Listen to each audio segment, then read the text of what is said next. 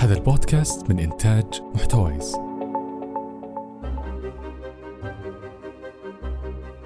لما يمر عليك تصويت سريع على ال social media مين أفضل نجم فيهم؟ أخطر جول بالجولة؟ أجمل design كان في يوم التأسيس؟ مع ضمن هالثلاث احتمالات وغيرها من الحالات اللي مطلوب فيك منها أخذ قرار فوري على واحد من الخيارات نقول اخترت X السؤال ليش؟ وش كان معيارك في الاختيار؟ أيا كان الجواب حقك مو بمحور حديثنا الحين. لكن هل كنت موضوعي في إجابتك؟ بمعنى إنك حايدت اللي أنت تحبه واللي يمثلك وبس صوت للي تشوفه يستاهل. أم خذيت التوجه السهل؟ اللي هو العكس. وحجتك هي صوتي فقط للي يعنون لي شيء أو أحسهم يستاهلون. ما بينكم صائب أو مخطئ. وهذه طبيعة البرنامج. وفي الأخير أصواتنا تتبع اختياراتنا بالحياة. ولكن ودي أسولف لكم بهالحلقة عن فلسفة الموضوعية وعن سر صغير يعرف له زين الموضوعيين بس. أطيب التحايا مني أنا ألمها عيسى وحياكم الله جميعا. أحب أجيب الأشياء بالمقلوب عشان الصورة تكون أوضح. بوقتنا الحالي صارت في رفاهية كبيرة بطرح الآراء على الأقل مقارنة بزمن سابق. يعني في أماكن كثيرة ودوائر نقاش مختلفة يمدينا نقول رأينا ونعبر عنه بصراحة. وأكثر اللي كان يصنف أنه غير قابل للتناول أو رأي ما يحتمل التنازل في إمكانية أنه يتداول الآن إلى حد جيد. مثلا رأيك في موضوعات تخص العائلة الكبيرة أو رأيك الموضوعي في شخص مؤثر بالأسرة. جالس يكرر أخطاءه. مين يقول إن مواضيع الأسرة مو بحساسة؟ والله أعلم أحس أكثر ملف ملغم. ولا يتحمل رأيك الموضوعي إلا بالعكس أكثر خانة تتغذى فيها المجاملات. يعني مثلا لو توسطت لقريب لك بالعمل وما كان على قد الثقة أنت اللي بتاكلها من الطرفين.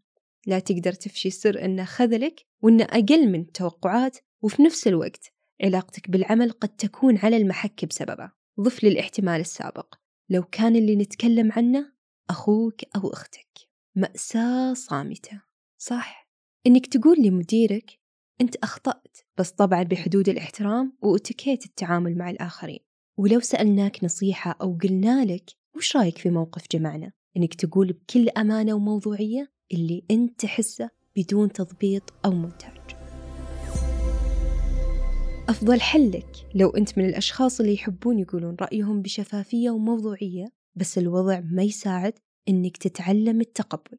تقبل إنك ما تقدر تكون موضوعي بدرجة كبيرة في هذه النسخة من الحياة.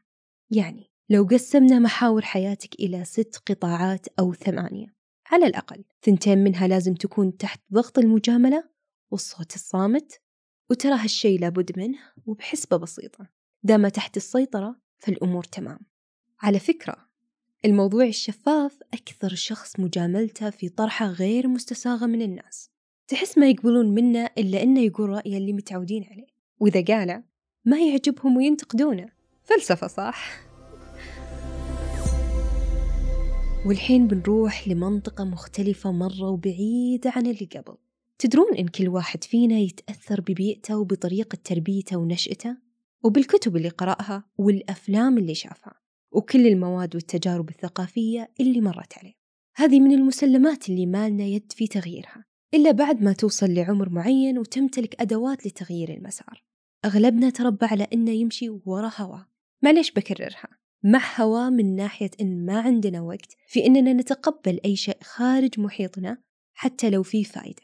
إيه لأن هاللي إحنا نسميه فايدة؟ غالبا ما يكون الوصول له سهل. وهالمنظور حرفيا يناقض فكرة الموضوعية. مو واضح؟ تمام. تفضل هالمثال. لو قعد قبالك شخص وقال لك أنت يا أخوي ماليا من تعجبني أو قراراتك المالية فيها خلل أو أنت من ذكي ماليا أول ردة فعل لك وش بتكون تجاه هذا الحكم؟ مم. في الغالب يا ردة فعل مطنشة يا دفاعية وربما تسليكية وقلة جدا اللي يسمعون لمثل هالأصوات اللي قد تبدو دخيلة على ما تحبه النفس أبروح مع القلة بيسألون هات وش عندك يبدأ هالشخص يتكلم وش ما كانت بضاعته. صدقني ما حد يعطي ملاحظة تحسها كذا مزعجة إلا وعنده منطق قد يحتاج للاستقراء سواء لفت نظرنا أو كان مخيب للآمال. شريحة القلة هذه تحاول إنها تسمع بإتقان وبموضوعية. تركيزهم مع واقعية المضمون لا الطريقة أو الوسائط اللي تنقل لهم. بكل وقت يقدمون المعرفة على الذاتية اللي جبل عليها الإنسان. فينتصرون على أنفسهم يفوزون بماراثون الحياة. يعني الفضول للمعرفة مو لأنها جازت لي أو فقط للأحكام اللي تصدر من عزيز علي. افرض أنك ملزم تقابل سبع أشخاص كل يوم يمكن أكثر بس هالسبعة بينك وبينهم تواصل وثيق. بالأرقام وبكل موضوعية عندك فرصة أنك تكتسب من كل واحد فيهم شيء ينقصك بحياتك. ولو بطريقة غير مباشرة لو أنت حيدت الإيجو حقك وسمحت للآخرين أنهم يعطونك رأيهم بموضوعية وزنها بعقلك. مو كل أحد يستاهل وقتك. أحيانا ممكن نكون إحنا بنفسنا السبب الخفي وراء تغير بعض اللي حولنا من موضوعيين إلى أشخاص يكتمون الرأي أو ما يقولونه بوقت الفعلي بشكل مجرد من الهوى. يحترون أفضل وأنسب وقت وأكثر طريقة يغلفون فيها السالفة بورق سوليفان عشان توصلك بدون ما تهدد أمانك الداخلي أو عفوا الإيجو حقك. لا وأحيانا نستغرب وراهم يعلمون فلان أو علان بكل شيء وحنا ما تجينا ردود الفعل والآراء إلا متأخرة أو من طرق ملتوية أو من وراء حجاب.